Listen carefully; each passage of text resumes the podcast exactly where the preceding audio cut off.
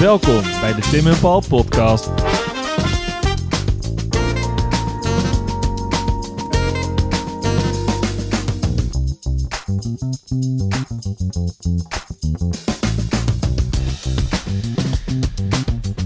De lockdown is weer verlengd, Paul. Ja, dus wij mogen ook weer... Oh, zo, komt er even eentje binnenzuilen. Goedemiddag.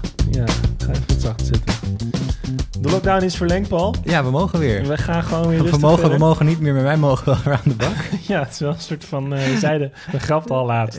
Een iets te ambitieus project. Ja, die gifbeker moet helemaal leeg. Ja. En eh, ja, ik had eh, allerlei afspraken staan voor kappers en tatoeages en zo. Maar dat gaat allemaal dat ook even een, Ja. een paar dagen ver, verplaatst. Oké. Ja. Ehm, dus we, ja, we gaan gewoon met ons neus weer in de boeken en we gaan met elkaar praten over geschiedkunde en dingetjes. ja. Ehm, Zet jij je telefoon ondertussen Ja, vliegtuigmodus, eh, Tim? Ik krijg allemaal weer berichten binnen. Oh god. Zijn dat eh, fans van de show? Sowieso, G. Sowieso. Gekke DM-slides. Nee, ehm, zullen we gewoon beginnen?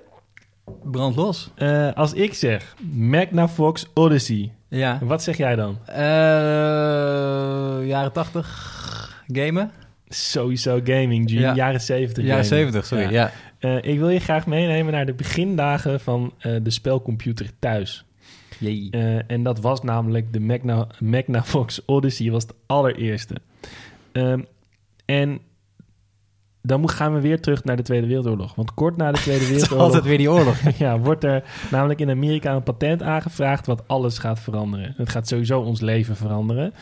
Maar dan wordt er een patent aangevraagd voor de beeldbuis. En Ja. je kent de radiobuis. Ja. En dat, was, dat gebruikten ze toen. Er was nog geen transistorradio. Er was een, een, een radiobuis dat kon geluid opwekken. Die zit nog ook wel eens in analoge gitaarversterkers. Dan heb je ook Oh ja, buizenversterkers. Ja, die duren altijd even voordat ze opgewarmd zijn Precies, en zo. Ja. ja.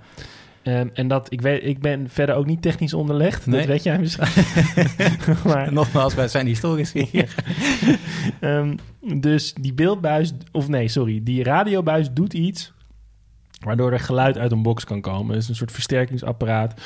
En kort na de Tweede Wereldoorlog wordt er een patent aangevraagd voor die beeldbuis. En Mhm. dan kan je dus in één keer een beeldscherm hebben en dan kan je iets op een beeldscherm zien. Dus dat is een soort van paradigma shift. Ja. In één keer hebben we niet alleen maar meer de radio waar iets uitkomt. We hebben nu ook beeld. Ja. En eh, dan wil ik je graag introduceren tot de persoon Ralph Beer. B is B-A-E-R, een Amerikaan. Ik denk dat je gewoon Beer zegt.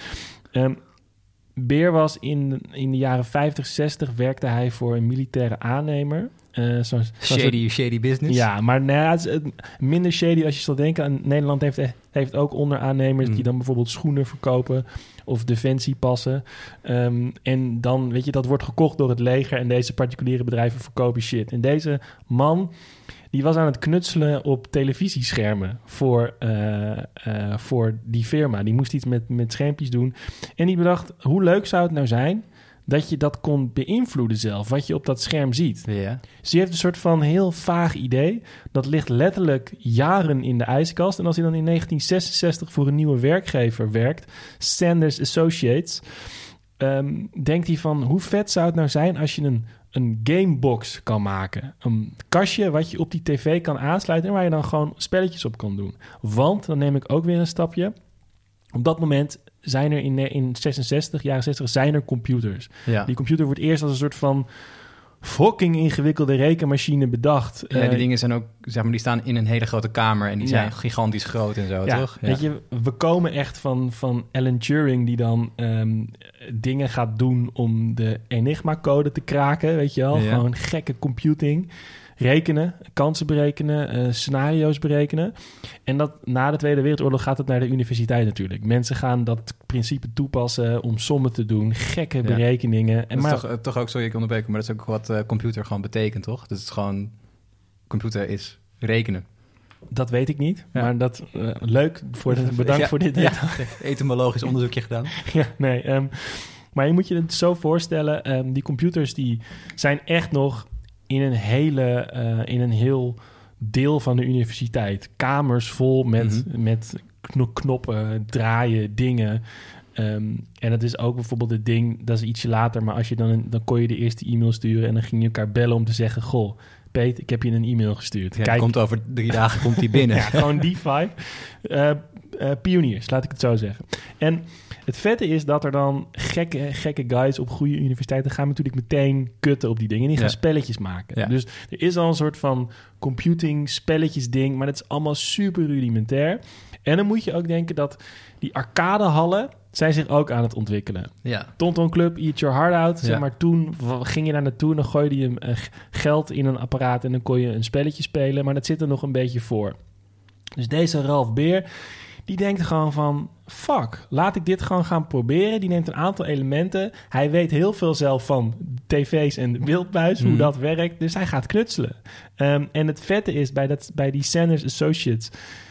Weet ze het in eerste instantie niet. Weet je, alle beste ideeën worden door guys stiekem in een kamertje apart ja, klassieke verhaal. ja, uitgewerkt. garage en de zolderkamertjes en zo. Dus hij zit mega stiekem stealth modus met een aantal gelijkgestemden. Een beetje, kosten van de baas. ja, letterlijk. Ja, zitten ze een beetje te knoeien eh, om, dat, om dat apparaat dan te gaan uitwerken. Ehm, maar dat lukt. En ze hebben op een gegeven moment een werkend prototype. En dat gaan ze dan pitchen bij die Sanders Associates. En die guys denken ook van, nou ja, weet je, we zijn een, een, een Serieus bedrijf, jongens. military con- Ja. contractor. We maken apparaten voor defensie. Nou ja, hier heb je een paar duizend dollar. Eh, ga jij maar doen wat je wil doen. We zien het wel eventjes. Het wordt een krankzinnig succes. Ja. dus die guys gaan het verder uitwerken. En in 1972 is er dus echt een soort speelbaar apparaat. Het is de Magnavox Odyssey. En die wordt als eerste verkocht. En dat is dus echt gewoon de basis voor PlayStation, Game Boy. eh, wat is het? Game, wat is het? GameCube heet het van, van Nintendo. ja, dat ligt eraan welke generatie Ja, van... eh, Nintendo 64, Ja. Sega Dreamcast. Het is allemaal vol- volgens dit principe wat hij toen bedacht heeft. Er is een kastje. Eh, je hebt twee controllers of één controller.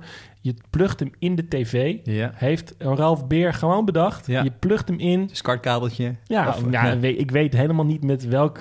Het was in ieder geval geen USB-C, kan ik je vertellen. Of USB 3.0. Eh, maar dat heeft hij gewoon helemaal... Hij heeft de weg daarvoor eh, eh, ja, aangelegd, zal ik, zal ik maar even zeggen. Ehm, en dan gaan er natuurlijk dingen gebeuren. En andere bedrijven zien ook wat, hier eh, zit- hier zit wat mogelijk Sanders Associates in, met, ja. met, de, wat is het, de Magnavox Odyssey 1 eh, aan het doen was. Dus eh, ja, dan moet je weer even een stapje terugnemen. Dat ding komt in 72 op de markt. En even daarvoor zijn een aantal soort van ja, showcases... waarin Magnavox heel trots present, of dat apparaat presenteert van... joh, vet, wat gaan we doen? En een van die spelletjes die erop zit... was een heel rudimentair pingpong spelletje. Ja. En jij denkt nu meteen... Dat, dat moet Pong zijn. Ja, nee, dat Nee. is dus niet zo. Dus Ben Pong, ik er toch ingeluisterd. Ja. ja. Pong is van Atari. Ja. En Atari is, was toen de grote concurrent van Magnavox Odyssey. Atari had een, was een ander bedrijf. En Atari had heel veel ervaring al met die arcadehalspelletjes. Juist. En het is ook nog wel een heel sick verhaal, want ehm, Pong is, is gemaakt door een, een werknemer van Atari die daar net kwam werken, een programmeur die nog niet echt ervaring had met spelletjes. En toen was zo van, ja, doe maar iets, zoiets. Die guy heeft gewoon Pong gemaakt. Dat is echt Oh, leuk. een krankzinnig verhaal. Maar het zieke is dat die gast waarschijnlijk naar een soort van showcase dag is geweest van die eerste Magnavox Odyssey. En daar dat, dat pingpongspelletje ja. heeft, heeft gezien. En een aantal elementen van dat spel genomen heeft in zijn eigen versie. En tot in die, diep in de jaren negentig zijn er allerhande rechtszaken over geweest. Het is één grote ellende geweest. Want zoals we allemaal weten is Pong echt het spelletje geweest... Ja. wat echt zeg maar, dat hele thuisgaming ding groot gemaakt heeft. Want wat gebeurt er? Pong wordt een succes en meteen klapt Atari eroverheen... en maken zijn eigen home computer, Ja. home, home spelcomputer. En die Magnavox Odyssey... ehm, daar loopt het niet zo goed mee af. Die is dus in de jaren 70, 72 wordt die voor het eerst geïntroduceerd, wordt die verkocht. Het is een, meteen een, gewoon een tering groot, ik mag het niet zeggen, een hartstikke groot succes.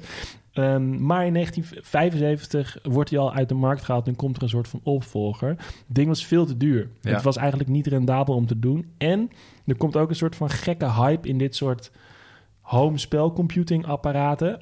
ehm, dat er zoveel is, de markt raakt verzadigd. Helemaal verzadigd Ja, en het is gewoon te veel. Weet je, een beetje wat je nu ook hebt met, met PlayStation en Ja. Gamecube en wat is het? Eh, Switch, Xbox en, en zo. Xbox. Het is gewoon te veel. Eh, dus dat knalt helemaal in elkaar. En Magnavox Odyssey heeft ook nooit echt een soort van opvolger gehad als in PlayStation 2, PlayStation 3, Mhm. PlayStation 4, PlayStation 5. Dat is er niet echt. Ehm, maar het is wel echt de grondlegger geweest voor alle avondjes FIFA die jij met al je vrienden hebt gedaan. Ehm, en dat erkende de grote der aarde ook. Van George W. Bush kreeg eh, die Ralph Beer in 2006 de Medal for Technology. Wauw. En dat is een soort van equivalent van de Medal de twee for Freedom. ja, de Medal for Technology. Sick. Ja, Ja, dus eh, denk, denk er even aan de volgende keer dat je weer zit te vloeken en iemands moeder zit uit te schelden bij. Call of Duty, waar dit allemaal, eh, allemaal vandaan eh, waar dat allemaal vandaan komt. Precies. Zijn- Magna Fox Odyssey. In en 40 Ralph jaar, hè, Beer. 50 jaar. We zijn, Ja, we zijn We've eh, come a lang long way. onderweg. Ja. Ja. Nou, eh, toevallig ga ik het ook over iets hebben wat, ehm, wat hiermee te maken heeft. Niet met, met eh, spelcomputers, maar wel met spelen. En eh, eigenlijk een soort van helaas de grote concurrentie geworden van waar ik het over ga, eh, ga hebben. Want Tim, als ik aan jou vraag wat de grootste bandenfabrikant ter wereld is, autobanden. autobanden, rubberbanden, Doen fietsbanden ook mee? banden. Ja, dan denk je toch aan Vredestein eh, of... Ja, nee. Ja, noem ze wel. Gewoon de rubber, rubberdingetjes. Pirelli, Goodyear. Ja, dat is ja. allemaal niet waar. Het is namelijk Lego. Wat? Ja, Lego is in 2015, ehm, of sorry, 2011, hebben ze gemeten hoeveel rubberbanden zij produceren voor hun Lego-setjes. En die komen uit op eh slordige 320 miljoen Nee. per jaar. En dat is eh, ongeveer 50% als de drie andere concurrenten, zeg maar, daaronder eh zit. Terwijl natuurlijk Lego maakt Nog even 55% meer dan... dan Goodyear en Michelin en zo. Die zitten op rond de 180, 190 miljoen producties per jaar. En het leuke is natuurlijk, Lego heeft natuurlijk helemaal geen zak te maken met autobanden. Maar die produceren ze voor hun autootjes en voor hun setjes. Nee, dus maar technisch gezien, of zeg Ja, maar, maar heel erg op de... Qua aantallen. in niche, in aan, niet, natuurlijk niet per kilo, maar niet, qua niet- aantal. Niet per meter rubberband. Nee, nee, nee. Dan gaan we het over hebben over hun rubberverbruik, want dat is wel gigantisch veel. Maar goed, ik ga het dus hebben over Lego. Lego. Vet. Ja, ehm, ik- heb je vroeger met Lego gespeeld? Ik was meer een Playmobil Ja. eh, kind, maar Lego heb ik ook wel een beetje gedaan. En ik heb laatst, eh, toen de lockdown begon, heb ik een Lego set gekocht met een, met een motor. En dan gaan we gewoon allemaal ja, ik gekke eens even kijken in jouw kamer. Is die, is die al af? Of is Ja, die- ja, hij is wel af. Ja. Hij is, hij- maar dat, weet je, dat was het ding met mij met Lego. Dan, dan maakte hij iets en dan was het af en dan gooi je het in een hoek. En Ja, dan, dan staat het daar. ja, Ja, ehm, ja, er zijn dus ook mensen die dat dan weer afbouwen en allemaal andere creatieve dingen gaan doen. Ja. Ik was ook een, een, een jongetje die dan vooral de letter van de instructieboekjes ging opvolgen en dan hopen dat je bij een goed resultaat kwam. Maar ja, nee, ik, heb, ik heb vroeger heel veel met Lego ik gespeeld. hield wel altijd een paar stukjes over. Ja, en die verdwenen dan ook vaak van de stofzuiger van moeders, maar. Ehm, en, maar eh, ja, ik was dus absoluut geen Playmobil-jongen. Oké. Helemaal niet. Ehm, dus goed dat wij hier toch wel aan Ja, tafel zitten precies. daarover te kunnen Ja. praten. Ja. Eh, nee, absoluut Lego. En ehm, het leuke is, we zijn nu eh, toch pak een beetje een jaar of twintig verder. En jij zegt van, nou, ik heb in die lockdown ook een, een Lego motor gekocht. Ik heb toevallig gisteren heb ik eh, een Lego bonsaiboom Nou, gekocht. Ehm zal ik op de Instagram zal ik wel laten zien hoe progressie daarmee gaat. Waarschijnlijk heel langzaam en heel lelijk, maar goed, we komen er wel. Ehm, en dacht ik, ja, het is eigenlijk toch wel interessant hoe dit... eh, is het alleen maar nostalgie of is dit ook nog... en hoe dit tot ons gekomen is. hoe dit tot ons gekomen is, inderdaad. En ehm, we moeten nog even terug naar... Naar, Naar de eh, Tweede Wereldoorlog? nee, daarvoor. Oké. Ja, eindelijk een keer daarvoor. Oké, Ehm, ja. We gaan naar de jaren twintig in Denemarken. En daar is een, eh, een, een, een houtbewerker. De heer, ik ga het volledig Ja, verkeerd. Hans Lego. nee, nee, nee. Ik ga zo vertellen wat Lego betekent. Ehm, maar dit is, ik ga het helemaal verkeerd uitspreken, want je moet het in het Deens zeggen. Maar ik zeg het gewoon in het Nederlands. Dit is Ole Kerk Christiansson. Oh ja. Wel een behoorlijk eh, Scandinavische ja. naam. En die eh, was houtbewerker en eh, die maakte meubels en speel, houten speelgoed. Want dat was natuurlijk het ding. En mensen maakten gewoon speelgoed van hout. Ja, En Lego is plastic. Dat Ja. was er nog niet echt. nee. Ehm, nou, dat ging niet allemaal helemaal goed, want eind jaren 20, begin jaren 30 natuurlijk totale crisis. Dus Ja. allemaal faillissementen, zijn schuur met altijd houten spul brandt af. Dat is ook niet helemaal lekker. Ehm, en na de oorlog, toch wel even die oorlog eh, erbij genoemd. eh, Na de oorlog Shout-out. is plastic in één keer een ding. Ja, Want dat wordt in één keer gebruikt en kan geproduceerd worden, ook voor commerciële eh, doeleinden. En het wordt ook gezien, plastic wordt ook gezien als een soort van: dit is de toekomst. Ja. Weet je wat wij een beetje hebben met nanotechnologie en dat soort dingen. Zij- waterstof. ja, precies. Ja. Eh, dat is toen van, oh ja, plastic gaat overal in zitten en dat is heel vet. En nu weten we inmiddels helaas wel, eh, wel beter. Eh, maar op dat moment denkt hij, weet je wat ik ga doen? Ik ga die houten speelgoeddingen ga ik vervangen door dat plastic. Misschien ook met dat trauma van die brand in zijn schuur meegenomen. Van, ik ga dat even anders doen. Dus eigenlijk in 1949 wordt de eerste plastic Lego'tjes worden, Maar worden dan- gemaakt. Dan zit hij dus in, in dat schuurtje een beetje te knoeien en plastic te smelten. En Ja, met een, met een, met een ja, plastic smelter. Hoe En- oud is die man geworden van een plastic damper? Eh, niet heel oud. Nou ja, ik weet niet hoe oud hij begon toen hij begon was, maar hij heeft het daarna niet heel lang, eh, heel lang volgehouden. Oké. Lego is nog steeds een familiebedrijf trouwens, dus dat is eh, van vader op zoon Vet. is dat, is dat overgegaan. Ehm, Maar dus er was in 1949 heeft hij de eerste blokjes. ja, en dan hebben we specifiek over die blokjes die in elkaar kunnen klikken, Oké. zeg maar. Dat is wel belangrijk. Zijn dat want- dan die zesjes? Die, ja, zesjes, tweetjes, viertjes, weet je wel. Ehm, en die- dat is soort van ook waar het Die dikke 2 bij 3's, toch? Dat klassieke Ja, die classic, eh, Ja. classic ding. Ehm, en als je erop gaat staan, doet het heel erg, heel erg veel pijn. Ehm, maar hij, ehm, waar was met mevrouw? Oh ja, hij, hij is daar dus mee bezig. En het gaat vooral om die, dat, dat, dat het in elkaar kan klikken. Ja. Dat is belangrijk. Want En daar dat komt, je dus zelf iets kan gaan creëren. Precies, en daar gaat het patent ook over. Want anders heb je gewoon, ja, ik heb plastic bouwsteentjes en die moet je naast elkaar leggen en dat zal wel. Maar dit is gewoon een soort van, oké, dit, is, eh, dit is iets nieuws, dit is interessant. En Ja. ook met die, ja, er zit dan een buizenconstructie in aan de onderkant van zo'n Lego blokje. En dat is dan specifiek voor Lego, zeg maar. Dus daarom kunnen ze patent op aanvragen. Ja. Eh, moet je als je thuis bent, nee, wij zijn nu bij jou thuis, maar... Dus die, die, die ronde dingetjes bedoel je? Aan de Nee, gewoon als je, als je een Lego blokje omdraait, dat is hol van, eh, aan de binnenkant. En dan zitten gewoon die acht of zes puistjes zitten daarin, zeg maar. Ja, die ronde dingetjes. Ja, precies. En die klikken dan weer op, op, op, op andere soorten. En, en dat is eigenlijk Lego. Ja. En Lego komt uit het Deens, dat betekent leg goed, betekent gewoon speelgoed. ja. Het grappige is ook dat in het Latijn, waar ik uiteraard vloeiend in ben, eh, betekent het ook ik bouw. Maar dat wist hij niet. Dus, dus het is heel vreemd, maar dat is een soort... Oké, heel lijp. Anyway, ehm, ja, ze gaan, eh, ze gaan dus aan de bak met die Lego. En het begint langzaam en zeker begint, eh, begint dat de wereld over te nemen. En de eerste Lego-landjes worden ook, Ja. ook gebouwd. Ben jij daar ooit wel een bij eentje geweest? Nee. Nee, ik, ik ben ooit, volgens mij, ik weet niet hoe oud ik precies was, maar van een jaartje of tien of zo, was ik op vakantie in Denemarken met mijn, met mijn ouders. En ik weet er echt nog drie dingen van. We hebben daar zelf aardbeien staan plukken, want dat kan niet in Nederland namelijk. Het is heel vreemd dat dat mijn herinnering daar is. Dat ik op een... eh, een mossel ben getrapt en als, als een rund begon te bloeden. En dat we in Legoland zijn geweest. Voor de rest, Kopenhagen, heb ik geen enkele herinnering van. De rest, hoe het daar was, helemaal niks. Maar Ja. Legoland was helemaal vet natuurlijk. Ja. Ehm, goed. Eh, inmiddels zijn een paar van die Legolandjes zijn ook gesloten, want zo goed gaat het niet meer met, eh, met Lego helaas. En wat ze eigenlijk langzaam maar zeker aan het doen zijn, is dat ze steeds meer sets aan het introduceren zijn. Dus ook bijvoorbeeld die Lego poppetjes, wat voor ons heel normaal is, dat komt eigenlijk pas in de jaren 70. Eh, dus dat is eigenlijk vrij laat. En wat, we, wat je nu heel erg veel ziet, is dat ze ook gecombineerd zijn aan bepaalde eh, hele commerciële, populaire thema's. Denk aan eh, Star Wars, Marvel, Ja. eh, Harry Potter bijvoorbeeld. Ehm, En, dat- ook die hele vage technische sets, toch? ja, en dat is ook eigenlijk heel vet, want Lego bestaat dus uit verschillende elementen. Je hebt dus de, de klassieke Lego, en die Lego sets waar je bijvoorbeeld hè, kastelen en ridders en zo Ja. mee kan bouwen. Maar dan heb je ook nog een andere, dat is dan de Lego Technisch. En Lego Ideas heb je ook nog, en je hebt nog Lego Mindstorm. En technisch Lego is dus, nou ja, dat zegt het al natuurlijk super, super technisch. En voor de iets oudere Ja. jongvolwassenen, zeg maar. Eh, en Mindstorm, dat is gewoon robotica. Serieus? Ja, daar kan je gewoon gaan programmeren, zeg maar. Dat is echt heel, heel erg lijp. Er is een, eh, is een jongen die ehm, een aantal jaar geleden... die heeft gewoon van Lego... heeft hij een, eh, een machine gemaakt die braille kan maken. Dus die kan je gewoon typen... die soort van, en het is dan 600 dollar... in plaats van een normale braille-computer die 2000 dollar kost. Dus dat is gewoon allemaal van Lego gemaakt. Dus het is echt heel sick. Sick. Maar het is allemaal die Lego Mindstorm, zeg maar. Dus er zitten ook best wel veel ideeën achter.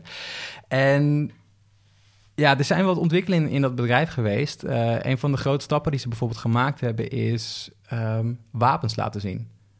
Oh, ja. het was kinderspeelgoed, maar op een gegeven moment, ja, je had die cowboys en, eh, eh, en zo, die hadden natuurlijk revolvers. En wil je dat laten zien met kinderen? En toen was dat die filosofie van, nou, dat kan wel, hoort er wel bij, maar we moeten het ook vooral grappig doen. Dus als iemand een staaf dynamiet had, was dat niet een echte staaf, of niet, sowieso geen echte staaf dynamiet, maar niet een 3D dynamiet, maar gewoon een Lego steentje met erop getekend dat het dynamiet was, weet je wel. En dus het was een Ja. beetje speels.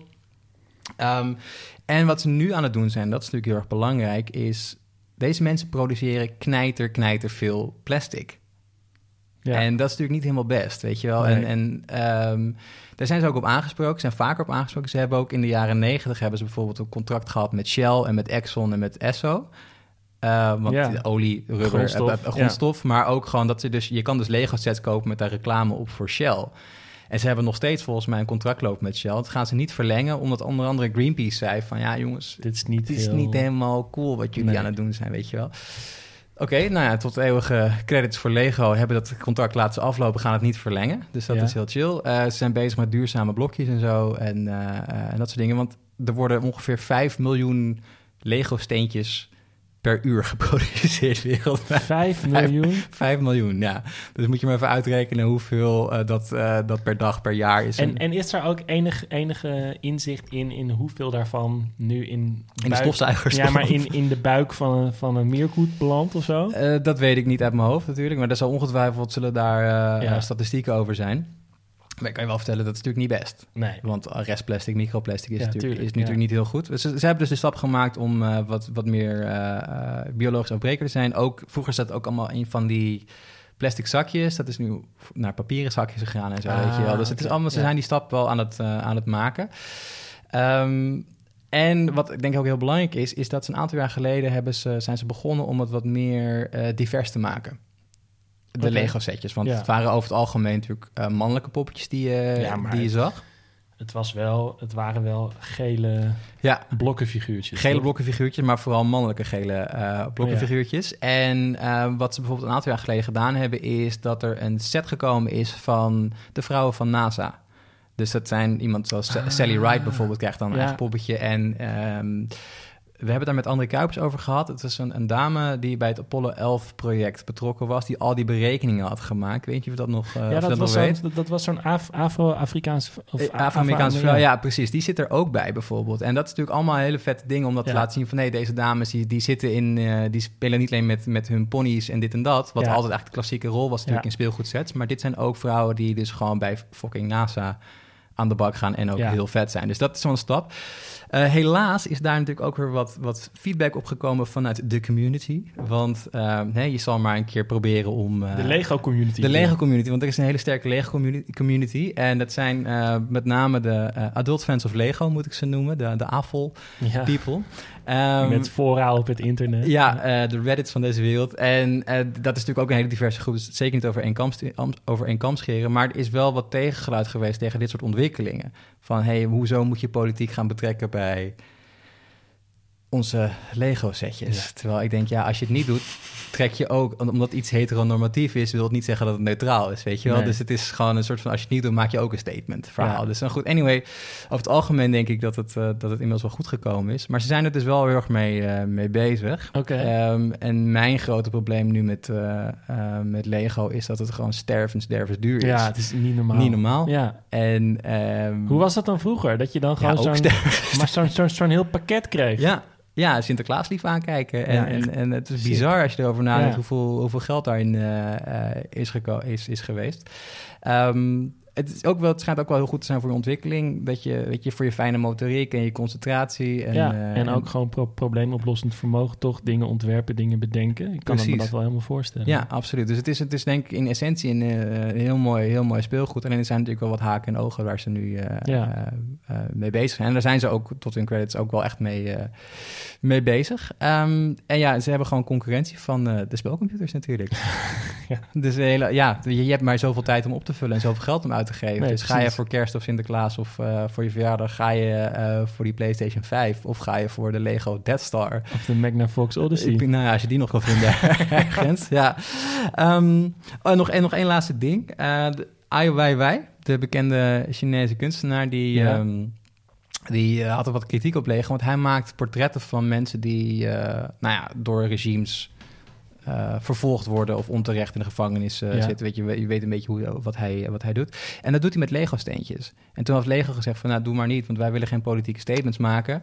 Ja. Eh, en nou, dat was natuurlijk een beetje van, ja, dat is wel heel Een erg beetje flauw. Een beetje flauw. En toen hebben er heel veel Lego-fans all over the world hebben allemaal zijn Lego-steentjes naar hem toegestuurd, zodat het wel of met namaak Lego of Ja. met, met tweedehands Lego gebruikt kon, kon worden. En Lego heeft daarna ook wel gezegd van, ah, oké, dat was echt een miskleun. En volgende keer gaan we niet vragen. Waarom je dit doet. Als je gewoon bij ons bestelt, geven we het gewoon. Prima.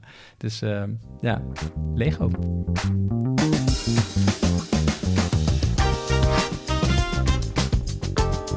Vond jij dit nou een interessant verhaal en wil je meer over geschiedenis weten? Hou dan onze Instagram in de gaten. We zouden het ook heel leuk vinden als je een recensie achterlaat. Vijf sterren, mag gewoon. En heb je nou een vet idee waar we het over kunnen hebben? Slide dan in onze DM's. Durf gewoon te vragen. Tot de volgende. Groetjes thuis.